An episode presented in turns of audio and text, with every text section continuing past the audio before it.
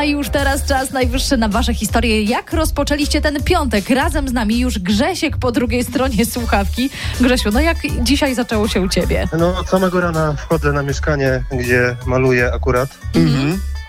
No i wczoraj pomalowałem kolor, nie było właścicieli, zamknąłem mieszkanie, wracam i wchodzę do góry, tam czeka taki czterolatek i mówi, ja się pytam, bo myślałem, że to jego pokój, jak ci się podoba kolor, taki zadowolony, wczoraj byłem, mówię, super wyszło to malowanie, mówię, naprawdę, równo, idealnie. Ten czterolatek do mnie mówi, pięknie, tylko szkoda, że nie w tym pokoju. Nie! Najgorzej, no co ty? E, Jakie pokoje pomyliłeś?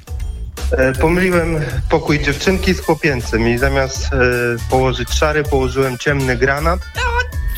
I teraz czeka mnie dosłownie, mam prawie cały dzień w plecy, bo zamalować ten granatowy kolor na ten jasny to będzie ze 4 albo 5 wart, to na No pewno.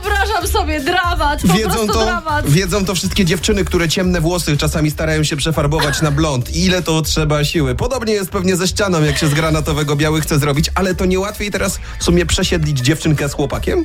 Żeby po prostu zamienili się pokojami? Mały, bardzo fajny pomysł dał, że żeby jego siostra na ten granatowy przylepiła takie białe chmurki i będzie jak niebo. No właśnie. No Już lubię trzeba- tego malca, już go Trzeba lubię. posłuchać młodego, kreatywnego, a nie tam od razu przemalowywać. Żal czasu, żal pracy, y, przede wszystkim żal Pieniędzy.